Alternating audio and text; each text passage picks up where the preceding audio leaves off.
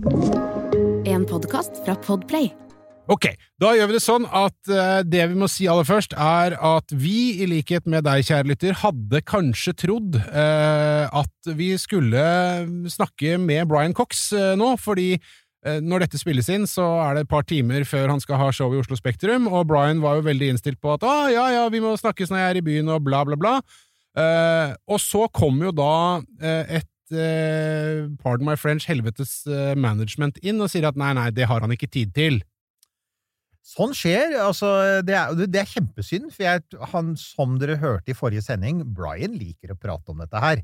Jeg tror ikke det er noe, jeg tror ikke det er no skin of his nose, men, men det er noe sånn det er. altså disse folka, Når du er på hans nivå, det er bare å erkjenne, han er jo på rockestjernenivå, han fyller Oslo Spektrum, uh, han har hatt stadion, han har hatt stadionarrangementer, så uh, jeg tenker at uh, sånne folk har jo bare et management som ja, de, Ja, er et- de styrer nok mer enn vi er vant til. et entourage uh, som uh, som- er mer og overbeskyttende, har jeg lyst til å si. Inklusive veskehund, så vidt jeg husker. Eh, Jo, uten at jeg skal shame noen for det. Men Men ok, sånn er det. Vi Sånn er det. kjører vignett og snakker om andre ting. Three, two, one. lift liftoff. One, two, three, four, five, five, four, three, two, one. Enter bed. Okay, we checked all four systems, and there you go on modulation, all four, and keying with a go. Tranquility base here. The Eagle has landed. Da skal vi ta for oss andre ting, for det skjer jo alltid mye greier. Eh, vi vet at eh, vi kommer til snart å bli utsletta av en ny asteroide som de har sett. Eh, og, oh, ja, den, ja. Ja. ja, ja. Og så vet vi at uh, Soyuz full av høl har kommet tilbake til uh, jorda. Jeg vet ikke åssen det Og du vet hva, jeg så jeg, jeg Vi har jo en fast jeg følger, følger, altså jeg, orker ikke være mye på Twitter for tiden, for han eieren av Twitter han er ganske crazy for øyeblikket. Ja. Men jeg følger jo fremdeles Rom-Twitter, så jeg er der inne og er sånn passiv bruker. Så til de av dere som forsøker å sende meldinger og få meg til å dele ting på Twitter jeg trives ikke så veldig godt der lenger, dessverre. Men det er en som heter Katja Pavlusjenko, eh, jeg tror jeg har nevnt henne før, russisk dame. Stor uh, romfartsnerd, er egentlig illustratør og kattemenneske, og da liker jeg henne automatisk. Hun følger jo da russisk romfart i russiske medier. Ja. Det hun hadde klart å fange opp, var at det, denne her eh, lekkasjen av um, Kjølevæske. eh, kjølevæske, Ja. den, det var ikke trivielt, altså. Det hun sa, var at uh, russiske rommyndigheter har nå sagt at ja, Soyuz MS-22 klarte å lande helt fint, så det var ikke selve styringa av romkapselen de gikk på. Var ikke varmeskjoldet, det var temperaturkontrollen i kapselen. Det de sa, var hvis det hadde vært folk om bord, så hadde temperaturen kommet over i mer, opp, opp i mer enn 50 grader med høy luftfuktighet. Uh, og det hadde jo da vært lenge, time etter time etter time, og det er, det er regelrett farlig. Så det var jo ikke kødd når de sa uh, vi tror det er farlig for kosmonauter å fly ned med denne kapselen. Ja. Så, eh, ja, for jeg fikk bare med meg at uh, den hadde landa i en sånn kort ja. nyhetsmelding. Og da kan vi ta hull på en annen liten myte der ute, for den er ganske vanlig. Ja, men det er da ikke noe problem med, med, med altså, nedkjøling i verdensrommet. Hallo, verdensrommet er iskaldt. Ja. Verdensrommet er altså faktisk I direkte sollys så blir det altså over 100 grader på overflater, og så kommer den jo inn i atmosfæren, og der er det også innmari varmt når den går ned. Så jo, de trenger kjøling. Men så var det da Vi venter jo på Starship. Ja, vi venter på Starship. Og det må jeg si, vi har jo for lenge siden fått uh, kritikk for å være litt negative, men nå skal vi være positive. Fordi uh, når jeg svipper innom og ser litt sånn Instagram Mhm. og her og der, så, så ser det jo veldig i rute ut der. Det gjør det! Men så er det jo det, og du sier jo det hver gang, og så sier jeg at ja, men det skylder du jo alltid på, så er det FAA som de sitter og venter på godkjenninga, ellers er vi eh, Ja. good to go. Er vi der nå? Nei, altså, vi er fremdeles såpass langt unna at eh, det ser vel ikke egentlig ut til at altså FAA vet jo nå veldig godt hva Starship er. De, de er fullstendig klar over altså, ikke sant? De vet hva det er, de vet hvilken risiko de tar. Eh, De hadde vel for lengst signalisert at en så stor rakett får du ikke skyte opp, hvis, hvis de hadde ment å si nei. Så de kommer til å si ja. Så det store spørsmålet er blir det på den internasjonale cannabisdagen. For at det, Ja, ja, det var det, det ja, folk det, er jo ikke, det er jo ikke tull. Altså, da Elon Musk havnet i trøbbel med dette her med at han skulle ta Tesla privat, som bare var kødd, så var det 420 dollar per uh, aksje. Det var i 2017, var det vel? Eller 2016. 420 er forresten greia. Og jeg, Ja, 420, det er liksom 420. get high eh, vet du forresten, ja, ikke sant? Det er sånn get high-greia. Og Ja. nå er han veldig opptatt av å skyte opp da eh, 20. april. Som er, som både er Hitlers fødselsdag og cannabisdagen, den internasjonale cannabisdagen, fordi det blir 420 Ja, ja. med amerikansk notasjon. Ja, ja. By the way, Vet du hvorfor det heter 420? Jeg måtte jo google det. Ja, jeg, det vet jeg faktisk. Kan, det- kan, det, det høres rart ut at vi Ja. må ta det, men den ledende romfartsingeniøren i verden er nå så opphengt i det at vi får kanskje forklare hvorfor han alltid kommer Hvorfor han bød 54,20 dollar per aksje på Twitter. Hvor, hva, hva er 420? Hva kommer det av? Ja, 420 er vel en sånn eh, politikode for eh, marihuana eller noe sånt, nå, er det ikke det? Å, morsomt! For at, altså, jeg har hørt en annen historie, og det er at det var noen gutter tidlig på 70-tallet som skulle ut og røyke marihuana etter skoletid. Eh, 20 minutter etter klokka fire eh, så skulle de møtes på et, sånt, et skur bak skolen, der hvor Ja. alle andre alle vi nord- Røyka sigaretter. Eh, vi- Ja. Av oss røyka sigaretter. Ja. Men uh, i California Dette er California, det er 1971, så det er selvfølgelig sære så er det marihuana. Um, så det er den, men, men jeg har også hørt den med politikoden, så da kan dere, kjære lyttere, kjøre en stor marihuana. nei. Ikke gjør det, please! Don't! Ikke den, vi orker ikke den debatten i Men poenget er, du har helt rett, det ser bra ut. Ja. Ja. Alt det ser lovende ut. De bygger, de bygger nye sånn beskyttelsesskjold. De driver og monterer og demonterer raketten. Eh, de sliter litt med flisene. Du har hatt noen sånn sånne litt rare bilder av fliser som spriker litt i alle retninger. Jeg regner med at de får kontroll på det før oppskyting. Men, hvis ikke, men vi fikk veldig mye bra flisekommentarer, da. Eh, og, jeg, som jeg måtte påpeke, jeg la ut flisebilder fordi at jeg har jo altså nettopp solgt leilighet, og, og fliser spiller Alle som har solgt leilighet, veit at flislagte bad det er en viktig ting for alle, for alle takstmenn, så jeg var litt i flisehjørnet da jeg la det ut. Ja, jeg har lagt fliser. Ja. Eh, og Hva syns du om håndverket til eh, SpaceX? Det så litt Eh, wonky ut. Det var litt sånn som mitt. Litt sånn i alle retninger. Og litt store gap, og det er sånn De gapene er jo der egentlig Altså, du skal ikke ha litt for store gap, for da kommer jo supervarm eh, gass innimellom og smelter. Så vi Ja, det, det, er- det, er- det var vanskeligere enn jeg hadde trodd det med den flislegginga. Så det, jeg har gjort Men, det, og eh, jeg skal ikke gjøre det så Men mye. altså, i det store og det hele har jo SpaceX ting på stell, og, og Falcon 9 er jo som ei klokke, den bare putter opp. Og nå driver han og skyter opp eh, alle disse her konkurrerende satellittene til OneWeb, de som skal konkurrere med Starlink. Gjør det? Ja, ja. Oh, ja, det er morsomt. de, de har jo tatt helt corner på markedet, ja. Uh, mens konkurrentene er jo i kjempetrøbbel, og en av dem er jo Vi har jo tre rommilliardærer. Vi har Elon Musk, vi Mhm. har uh, Jeff Bezos. Jeff Bezos og Richard Branson. Du, vet du hva? Fordi på i uh, shownotes, eller notatene Ja. som du har laga her, sånn, så, så, så, så er det en overskrift uh, 'Virgin Orbit er i trøbbel'. Står det, og så tenker jeg, men hvorfor skal vi snakke om det? Har ikke de, eh, er ikke de liksom uh, henført til en parentes for lenge siden? Altså, Den eneste grunnen til at vi nevner det, er at han er en av disse rommelederne, og selvfølgelig, de har forsøkt å hanke inn penger. Eh, De, de, prøvde jo å bli, de- de å bli de første til å skyte opp en rakett fra europeisk fastland uh, for noen måneder siden. Eh, Det, det var, det, de, for denne, for de, de skyter jo raketten sin opp fra under en vinge på en jumbojet. Ja. Tok av fra en eh, sånn Starbase nede i Cornwall, og så skulle de skyte opp raketten over Irskesjøen, og så gikk det galt med raketten. Og så viser det seg da at økonomien i dette selskapet er så dårlig at den mislikte oppskytingen faktisk knekte økonomien, og 750 ansatte er nå permittert uten lønn. Ja. Uh, og Richard Branson har vært på jakt etter investorer, og jo, jeg nevner da én interessant grunn, for at de, de hadde et øyeblikk så hadde de en, en investor fra Texas eh, involvert. Men han er visst kjent som Flat Earther, så da begynte man så Det er der vi er. Så jeg syns jo den var litt morsom, da. Han har nå trukket seg igjen, antagelig fordi at halve Twitter kastet seg over han og sa ha-ha. Og, og så kommer eh, Elon Musk og donerer 420 dollar. Han gjør nok det. Sånn 420. Men den, men den andre biten er vi jo mer opptatt av, og det er jo romturismen. Det er Virgin Galactic. For at den har jo stått Ja. på bakken, den, mer eller mindre siden eh, I to år snart. Ja, så har og romturisme og romturisme, fru Blom. Altså det Virgin Galactic var, det, det var jo Du fikk eh, kanskje 30 sekunder med vektløshet eller noe, var det ikke Ja, det? og det var jo stort sett eh, det var, det var Richard Branson og vennene hans. Men det de nå sier, er at de skal starte med flygninger i løpet av noen måneder. Første kunde er det italienske flyvåpenet, som da har kjøpt en tur. Og så skal de starte med regelmessige flygninger. Og i, to, i 2021 var folk ganske opptatt av dette, fordi eh, altså, de, de, man snakket jo om at å ja, nå skal milliardærene eie verdensrommet, husker du? Og, Ja, ja, ja, og det skal være hundrevis av oppskytninger, og ozonlaget blir ødelagt. Uh, jeg, jeg kan trøste dere med, dere som er redde for ozonlaget, og det er jeg òg for øvrig, uh, um, det skjer ikke. Fordi nå snakker Virgin Galactic om i høyden én oppskyting i måneden med fire passasjerer hver gang. Så vi, vi snakker om et veldig marginalt tilbud. Problemet deres er at de har 800 kunder som har lagt inn depositum. Og med fire kunder i måneden, så Ah, er det sånn superenkel matte sier at de er Ja. ferdig rundt 2040 bare med å dekke det de allerede har tatt penger for. Ja, ok, så, Så- det kommer til å ende opp med at de er nødt til å betale tilbake masse penger og komme i enda dypere skitt, da. Ja, for de, har, de tapte 500 millioner dollar i fjor. Hva, hvorfor gjør de dette her? Det er det jeg lurer litt på nå, for han har holdt på med dette lenge, han der Richard Branson. Han begynte å snakke om dette Han begynte på dette i rundt 2006. Det er snart 20 år han har holdt på.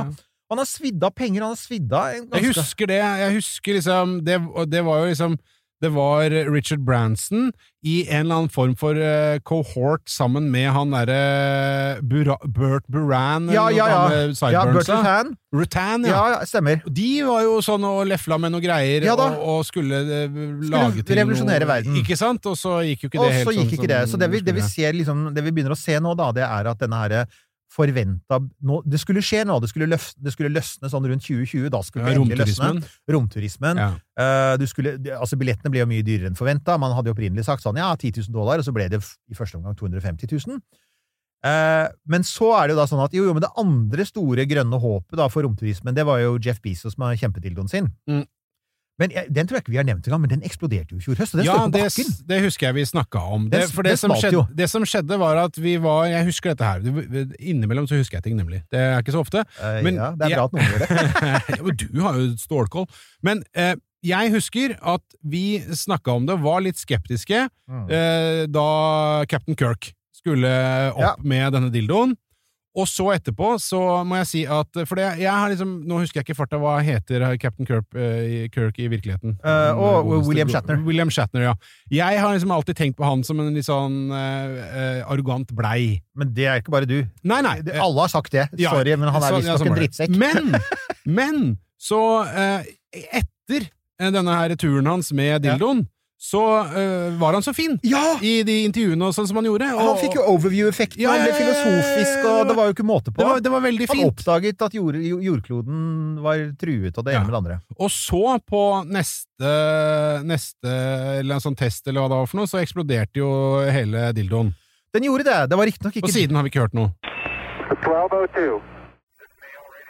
Nemlig. nemlig. Det var riktignok ikke den som Shatner fløy opp med, det var en som ble brukt til ubemanna tester. Gudskjelov, da. Det var en, noen NASA-eksperimenter om bord som skulle opp i rommet på en sånn liten, noen få minutters vektløshet. Ja. NASA betaler ganske gode penger til, til eh, også til Jeff Bezos for å, for å få noen minutters vektløshet, så det er ikke noen dum løsning, antagelig. Og på veien opp da, så smalt det plutselig, og så har man brukt et halvt år, Uh, Blue Origin, selskapet til Bezos, og da eh, alle som ser sånn eh, eh, flyhavarikommisjonen på, på Discovery, de vet at det er NTSB. National Transportation Safety Board. Alle disse her litt sånn eldre ingeniørkarene som sitter her og forklarer når flyet har krasja. Det er den samme gjengen som også har ansvar for å se på romskip. Oh. Tydeligvis nå. Det var jo ikke sånn i gamle dager, for at Challenger jo, og Columbia ble jo gransket av, NASA sjøl.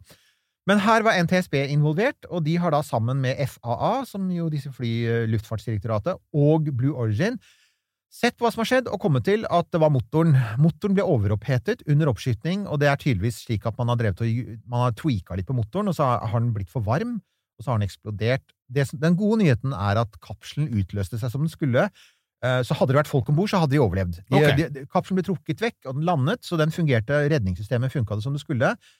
Den dårlige nyheten for eh, godeste Jeff Bezos det er selvfølgelig at det er en kjempeforsinkelse, og kanskje i løpet av høsten skal han begynne å sende opp folk igjen, men tilliten til den raketten er nå mye lavere, for det var jo ikke så mange ferder den hadde under eh, skjorta, liksom, før den smalt. Nei, men ja, altså det, Greit nok at han skal, da skal han begynne å sende opp folk igjen, men til hvilken nytte? Altså, hva vil Dette her er jo bare en sånn, igjen, pardon my French, sånn runkering for de rike, eh, Ja. og de som Jeff Bezos har lyst til å gi en gøyal ting. Ja. Eh, det er ikke Sant. noe Det blir aldri noe svært, dette heller. Det er, det er, hva er det? Det er sånn fire-fem passasjerer eh, opp med en diger rakett, er oppe noen få minutter til en kvart million til en halv million dollar per ja. hode. Men har han noe endgame her? Altså, har han mer eh, Ja, vi kommer til det nå, for det, det, det er jo noe som skjer her. Egentlig, altså Disse smårakettene er, en, er på sett og vis et blindspor, for de bruker jo ikke engang samme type motor som det han skal satse på i fremtiden. Han vil jo bygge en mye større rakett som heter New Glenn. Stemmer. Eh, og der skal han bruke disse han, Nå driver jo romfartsbransjen og switcher over til metandrevne motorer. Eh, SpaceX har jo vært tidlig ute med sine Raptorer, de som de skal bruke på Starship, som de har slitt med fordi at de eksploderer lett. Uh, Blue Origin har da sine BE4, sine metanmotorer. De har slitt med å få dem ferdige og få dem pålitelige. Og, og de er litt viktige for amerikansk, eh, for amerikansk romfart, fordi at uh, United Launch Alliance, som er den eneste reelle konkurrenten til SpaceX som jo er, ULA er jo eid av Boeing og McDonald Douglas. De er liksom, det er, de er etablissementet. Det er de som har skutt opp flesteparten av NASA-ferdene, de tunge ferdene. Mm. Det var de som blant annet skjøt, sendte Percy til, til Mars. Mm. Er som- jeg så nettopp den der Good Night Oppi. Åh, Den var fin. Den er fin. Ja. Og, og det er også de som da har ansvar for veldig mange av National Security Missions, med andre ord De. spionsatellitter. Mm, de, de der. De der, men, eh, og, men, men, men altså, de bruker jo da gamle Atlas-raketter, Ja. som er veldig pålitelige, men som de er i ferd med å slippe opp for, så de må jo da ha sin nye rakett, som heter Vulcan, og den skal bruke rakettmotorene til Jeff Bezos, og Vulcan er sterkt forsinket på grunn av at Jeff Bezos har somla, Bezos Herregud, hvordan alt henger sammen. Alt- og er alt henger sammen med alt. Surr, Men surr, her kommer jo da en litt artig historie, og det er jo eh, det, eh, det sjefen for ULA, som heter uh, eh, Hva heter han for noe? Tory Bruno? Nei, ja.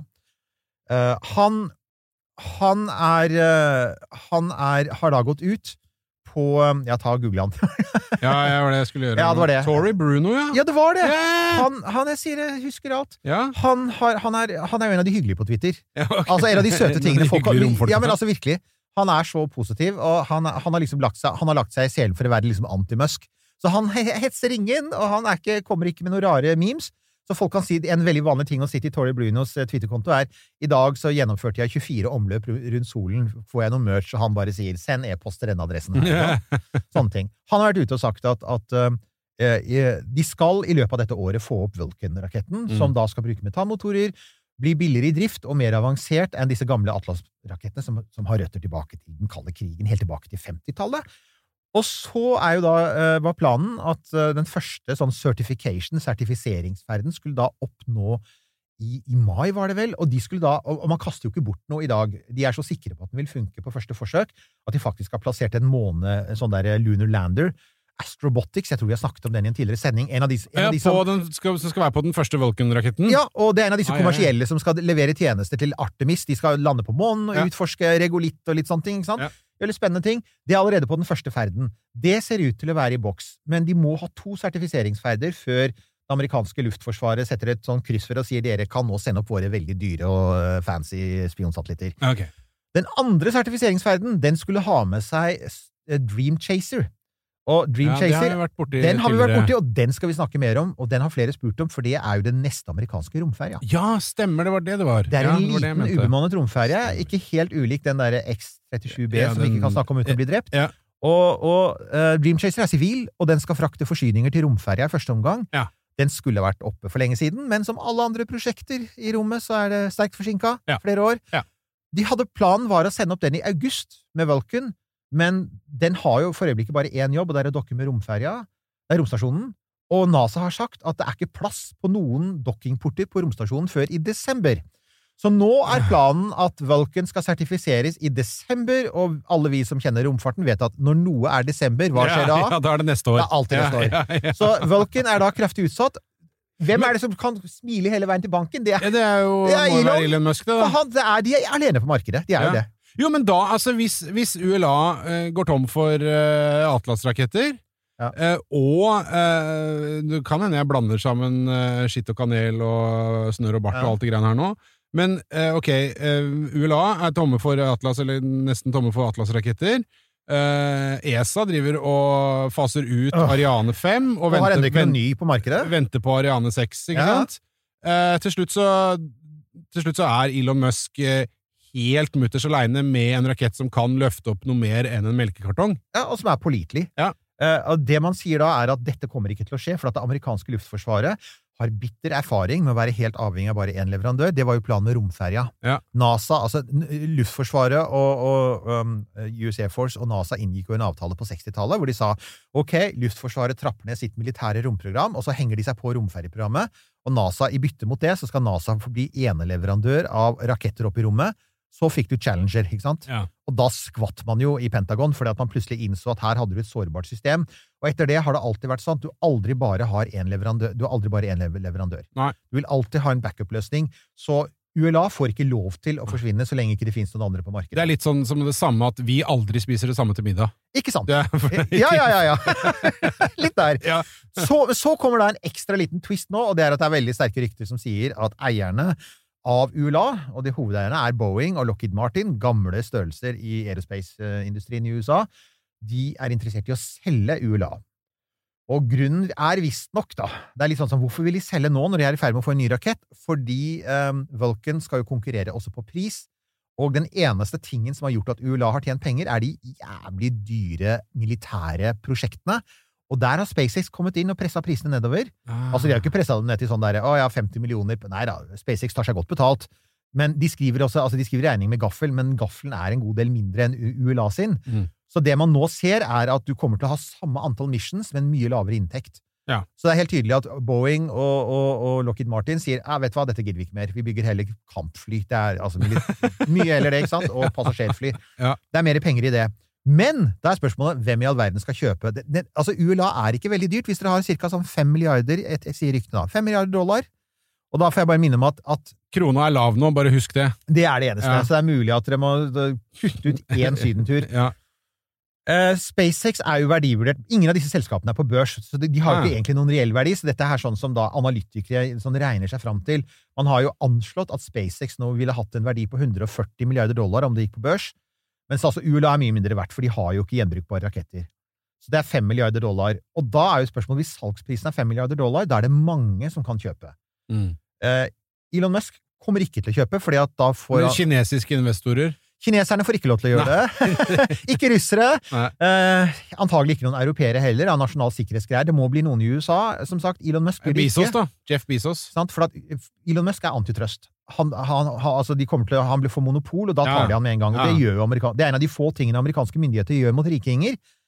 De kan gjøre hva de vil. Altså Elon. Musk taper jo stort sett aldri en rettssak, uansett hvor mye sprøtt han gjør. Men fordi at rikinger vinner stort sett rettssakene Er det grunn til at Norgesgruppen ikke satser i USA?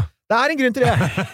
Så, så det er, spekulasjonene sier da det er enten så blir det en sånn derre What a Budwiser of Kiwi? What? What's this green stuff? Kiwi? Enten så blir det da Northrop Grumman, som jo nå vel eier Aerojet, som ble startet av han der eh, eh, han, Vår kjente uh, Han satanisten? Og Parsons? Ja! ja. han starter jo er Aerojet. utrolig hvor mange ting i denne bransjen som stammer fra enten en satanist eller en nazist. nazist, eller en høyreekstremist, eller en rett og slett gærning. Ja, det er det. Det er noe med denne bransjen. Godt å se at de også kan få lov til å legge Så, fra seg noe det er spennende arv. tider. Det er det, og vi veit ikke om et halvår hvem som vi vet til. Men det, det, du har helt rett, det er mange som spekulerer i eh, Jeff Bezos, eller om ikke han personlig Amazon. Og det er for at Amazon har bestilt 30 rakettoppskytninger med Vulcan for å skyte opp sin konkurrent i Starling, for de vil også være med på internett fra verdensrommet. Herre fred. Og de vil jo da kunne, da kunne jo, altså Hvis de eier selskapet, så får de jo selvfølgelig oppskytingene til kostpris. Så for dem Ja, ja. så kan det være veldig lønnsomt. Uh, og da er de i samme situasjon som, som SpaceX er nå, med at de fleste oppskytingene fra selskapet er til selskapets eget produkt. Det kan ja. godt være. Men uansett, da, så, så det kommer én liten ting til inn her, og det er vil amerikanske igjen, vil Pentagon sitte stille og se på at National Security Ja. nå er i hendene på to, begge to ganske eksentriske, for å si det pent, milliardærer. ja. Er, eller vil de si at nei, vet du hva, vi vil, ha, vi vil at Northrop Grumman eller en av disse gamle aktørene i markedet, en gammel industriell aktør som har samarbeidet med Kongressen i alle år, og som ikke har sånn der litt sånn, litt sånn vrangvilje og rare meninger Kanskje er det det de Så vi får se. Det blir spennende å se. Ja, jeg, altså, jeg, nå vet ikke jeg hvordan eh, liksom, det det amerikanske sinnet fungerer, men eh, i og med at det, det allerede ligger Det er jo private selskaper, Ja. og Grumman og Boeing og sånn er jo private selskaper, så det er ikke det de har noe problem med, at Nei, det er private det, hender. det er nok først og fremst det at disse selskapene har veldig lange og etablerte relasjoner. Ikke? Ikke bare med Pentagon, men med Kongressen. De er gamle lobbyister, de har bidratt med mye penger, selvfølgelig, men de har også et etablert Altså, de har, de har vist at de kan levere.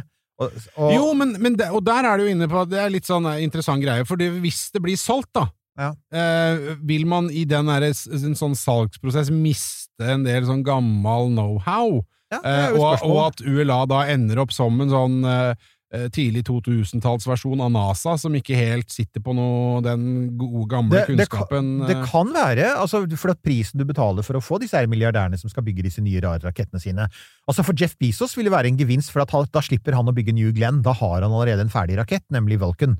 Ja, ja. Så, så han kan da bare kansellere det andre prosjektet og bare gå rett på denne her og videreutvikle den. Så for han så er det antagelig sparer det mye penger og tid, og han kan komme inn i markedet mye raskere.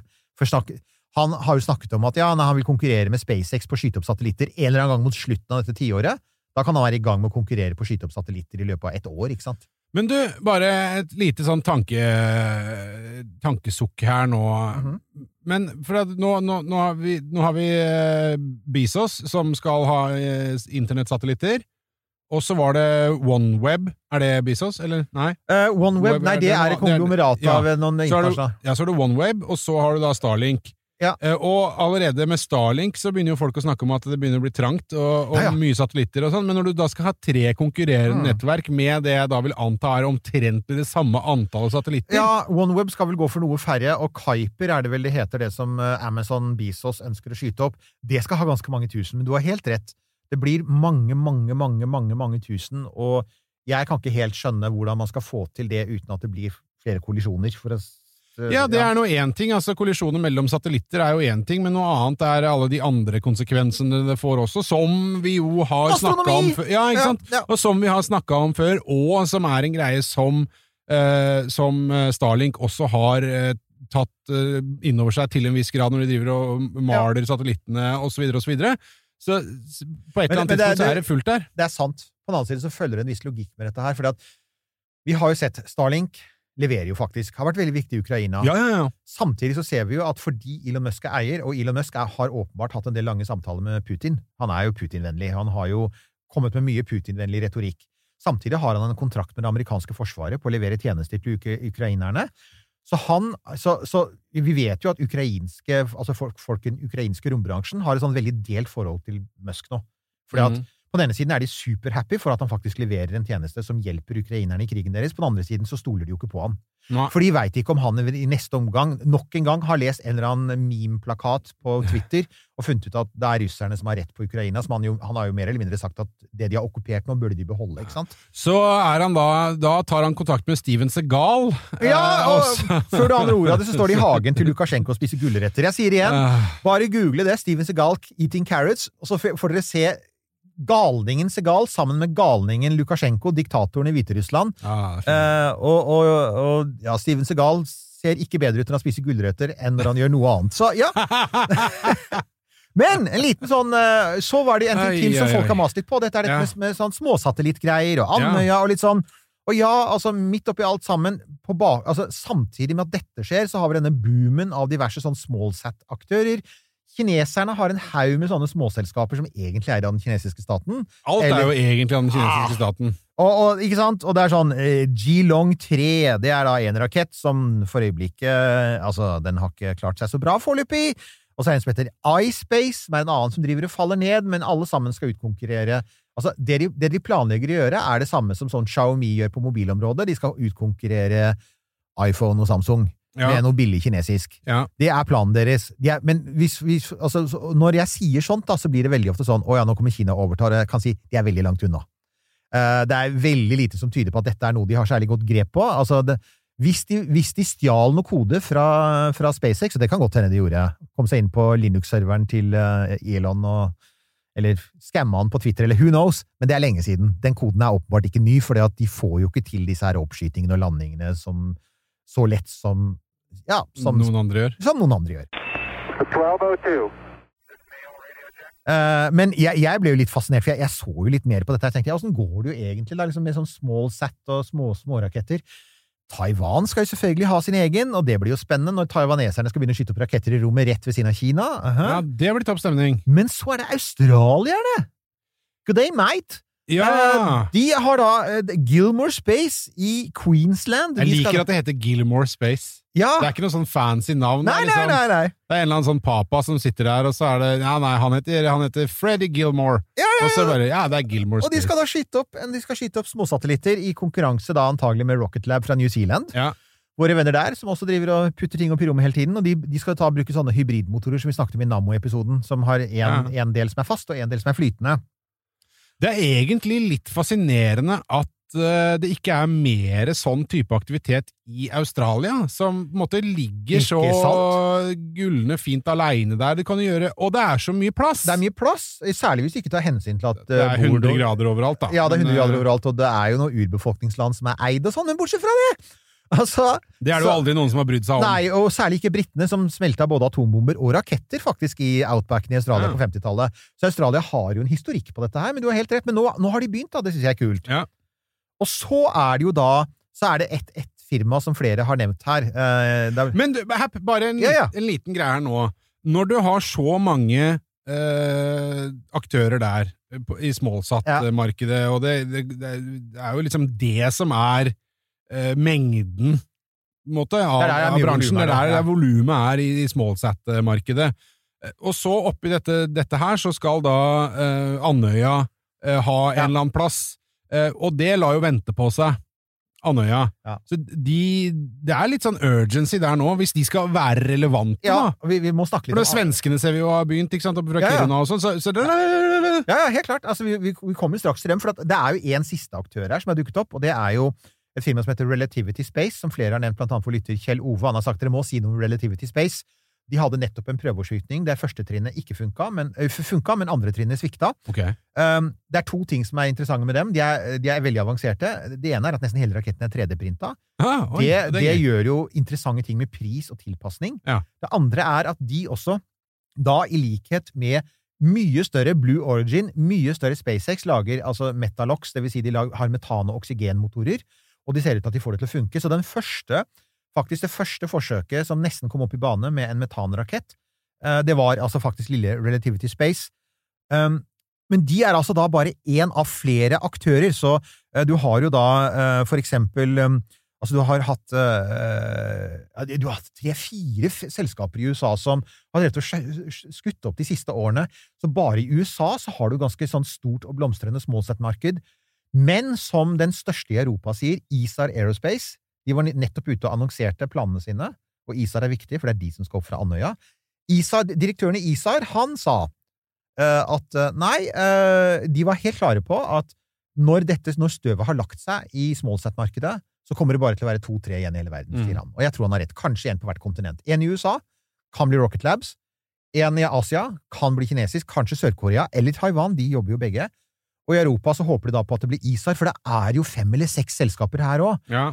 Men alle disse selskapene har én ting til felles, det er at de har ennå ikke skutt opp en eneste rakett. Nei, for du hadde vel noe greier borti Storbritannia òg, som uh, var det, Ja, ja, ja. Skott, Skottland, eller Ja, i Skottland er det et selskap som, skal, greier, sånn- som driver og bygger raketter. Alle disse rakettene har det til felles at de er fine på papiret. De har testet en del motorer. ISAR har brukt mye tid på å teste motorer nå i, um, oppe i Kiruna. Ja. Så for ISAR så er det helt tydelig de satser på to-tre områder. De satser på Andøya, Kiruna, og også på fransk Guyana, Koro, hvor, for de samarbeider med ESA. Ja. Så ISAR kan i motsetning til de andre konkurrentene i Europa, så kan de tilby sat satellittoppskyting fra ekvator eller fra Arktis. Mm. Så det er, og, og de fikk nettopp og Det var en amerikansk eh, romjournalist som sa det. Han sa at forskjellen Det han tror, og jeg tror han har helt rett, forskjellen på de smallsat-selskapene som kommer til å klare seg, og de som kommer til å gå dukken, det er hvor mye penger de klarer å hanke inn. Ikke sant? Og jo disse selskapene som har 25-50 millioner dollar, de vil gå konk. Ja. Fordi at det er for dyrt å gjøre. Det føles litt sånn når vi sitter i den bobla i vår lille kapsel her og snakker om de tinga, og snakker om det igjen og igjen og igjen. ja. så, så føles det litt som om liksom, smallsat-markedet er det, det, det har noen likhetstrekk med den her internettbobla på seint 90-tallet. Eh, Internettbobla, kryptobobla og nå AI-bobla. ja. Ja, det er litt jo, for det er, det, er liksom, det er en sånn hype, og så tenker man ja, Ja. det er superbra. Er, alle, det starter som en sånn ja, men dette her kan alle få til, det er ikke så forbanna avansert. Og så dukker det opp en hel masse folk som prøver seg på Ja. det. Eh, og så, som du sier, når støvet har lagt seg, så, så vil det bare være noen få bunnsolide, forhåpentligvis, eh, aktører igjen i markedet. For greit nok at smallsat er billigere, og er, man kan få til mye med små satellitter, men det er jo, det er jo tross alt begrensa hvor mange i verden som trenger å skyte opp en liten satellitt hver eneste dag. Pluss, ikke sant? Pluss at det du nettopp sa om at det er, nå kommer til å bli så innmari mange satellitter fra megakonstellasjoner, så vi får et, kan få et potensielt romsøppelproblem og mange Ja. andre problemer. Og da ser man jo for seg altså at, at å, tenke seg at du skal skyte opp tusenvis av småsatellitter i tillegg, høres jo kanskje ikke så realistisk ut. Nei, som bare blir sånn bare fordi. Ja, Og da, da er det litt sånn Og i tillegg, når du da i tillegg i det, det markedet på en måte også har litt sånn rideshare fra typ SpaceX, Ja. så det er begrensa hvor det, mange det er jeg er helt enig. Det, det, det, ser, det ser ikke så veldig greit ut. Særlig dette med at en av de store fordelene du hadde med SmallSat, det var at du kunne på en måte få oppskyting på bestilling. ikke sant? Det vil si, Istedenfor å vente på en rideshare, så kan du si 'Å ja, når vil du ha opp satellitten din?' Ja, men det, si fra, så gjør vi det. ikke sant? Mm. Det, var, det, det er det Rocket Lab har sagt hele tiden. Men Rocket Lab har jo nå vært ute og sagt at deres problem nå er at de kan ofte ikke tilby det fordi at det er satellitter i veien. Altså, Det er jo ikke sånn at du kan skyte opp hvor du vil lenger. Og dette blir jo bare verre og verre og verre. Det blir flere og flere satellitter der oppe. Ja. Så den ideen om at du sier ja, jeg bare sender den opp dit, ja, men den banen er i konflikt med fem baner fra Amazon og SpaceX, ikke sant? Ja, ja. Alle har dritbra internett overalt, men uh, du men får ikke opp en eh, satellitt. ikke sant? Så jeg er helt enig. Jeg tror at eh, jeg tror, jeg tror han sjefen i ISAR har rett. At det, det blir en sånn der du rister i treet, og det aller meste detter ned. Den enorme fordelen som ISAR har, og som gjør at man peker på hvis det skal, er en aktør i Europa som kan klare seg, det er at de har greid å hanke inn sjukt mye penger nå nettopp. De hanka inn 165 millioner dollar, som er mye i denne bransjen. Og det gjør, og de har de gjort helt bevisst, eh, fordi de veit at den første oppskytingen, som jo blir fra Andøya, og den skal jo da være i høst Ja. Eh, og det skal være en rakett med fem satellitter om bord for, for, for kunder. Skal det være i desember, eller? Ja, det er det som er det spennende. De, har- de har jo ikke sagt det. Men de, de, de satser på høsten. Um, de tåler at den smeller. De er Ja. klar over at for de aller fleste småsatellittselskaper rudder. De Ja, gjør det. De gjør det. De store er det annerledes. Altså, jeg, SpaceX rydda ikke på sin første Falcon 9, og jeg, jeg tviler på at uh, Vulcan kommer til å rudde på sin første, og jeg tviler på også at, at Ariane 6 kommer til å rudde, for det er så mye penger i det at de har råd til å gjøre testene. Småselskapene med lite penger, de må ofte skyte opp, og så går det galt underveis. Ja. Men eh, så, så, så ISAR er tydelig på at nei, de skal kunne overleve mm, i hvert fall én rakett som faller ned. Det er bra, for det kan fort skje. Det kan bli spektakulært. Vi får håpe at det ikke rydder rett over Andøya, for da blir det mye ryddearbeid. Ja, ja. Men, eh, men det morsomme med det, og det må jeg si den store positive nyheten for Norge, er at akkurat nå så ser det ut som man har satsa på riktig hest. For de en, eh, altså ISAR og Andøya inngikk jo en eksklusiv avtale, og ISAR skal vel mer eller mindre da kunne eier mer eller mindre Andøya som oppskytingsplattform de neste 20 åra. Og fra blant europeiske smallsat-leverandører så er det ingen andre som ser like gode ut som ISAR.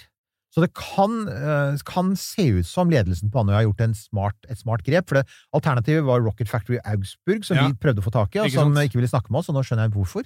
For at de har forsvunnet helt. Altså, jeg tror de er der ute, men det ser ut som de er blant de mange som blant annet har blitt rammet av krigen i Ukraina. Ja. Men uh, ISAR ser ut til å være Så vi får se. Eh, det hadde jo vært hyggelig for Europa om de kunne melde seg på rom, i romfarten igjen, for de har jo falt av lasset, da. Ja, og så er det gøy Jeg, jeg, jeg håper å krysse fingra for uh, gøye ting på Andøya, bare Det fordi det jo- er gøy. Ja, og, og det kommer jo til å bli fint, da. Og det de sier, da Bare fordi det er, jeg har lyst til å dra dit, og det er eh, Ja, men vi skal dit. Det, det, vi skal dit. Uh, og, og vi, vi har møysommelig og langsomt lagt oss opp et lite fond. Dere kan bare fortsette å bidra til det fondet. Ja. Men vi har lagt oss opp et lite fond som, som gjør det mulig for oss at vi slipper å ta en spleis for å komme oss til Andøya hvis det skjer noe på litt kort varsel. Men, men helt klart, uh, Andøya kan skje i høst. Vi håper på det.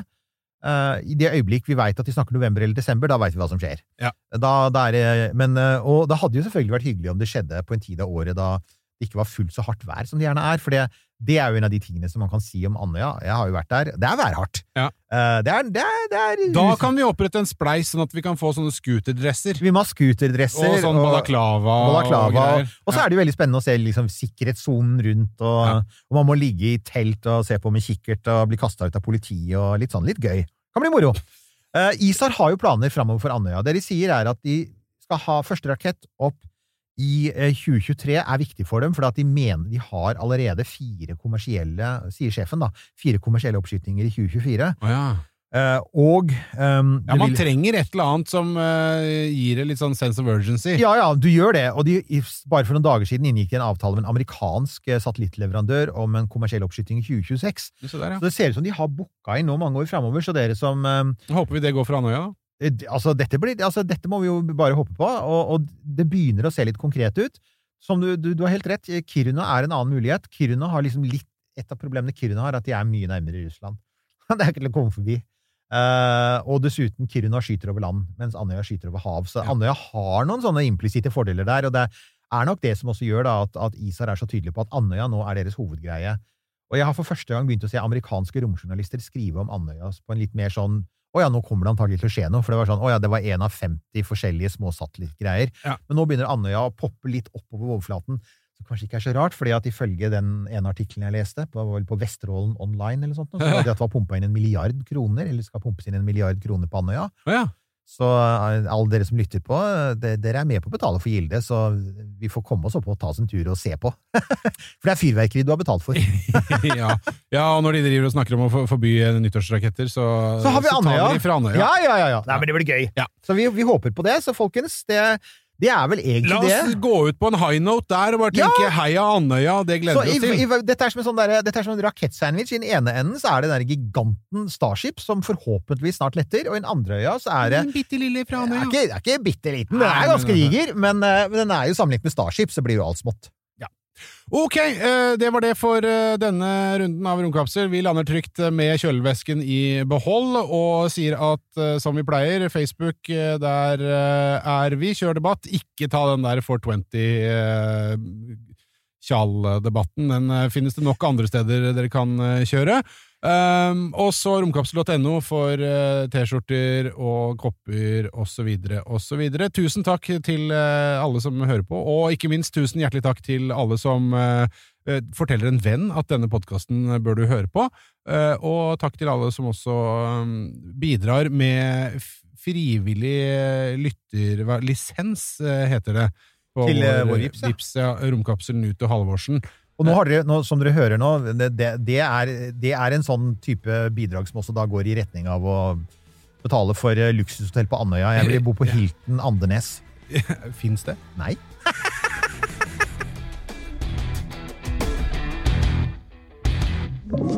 Du har hørt en podkast fra Podplay. En enklere måte å høre podkast på. Last ned appen Podplay, eller se podplay.no.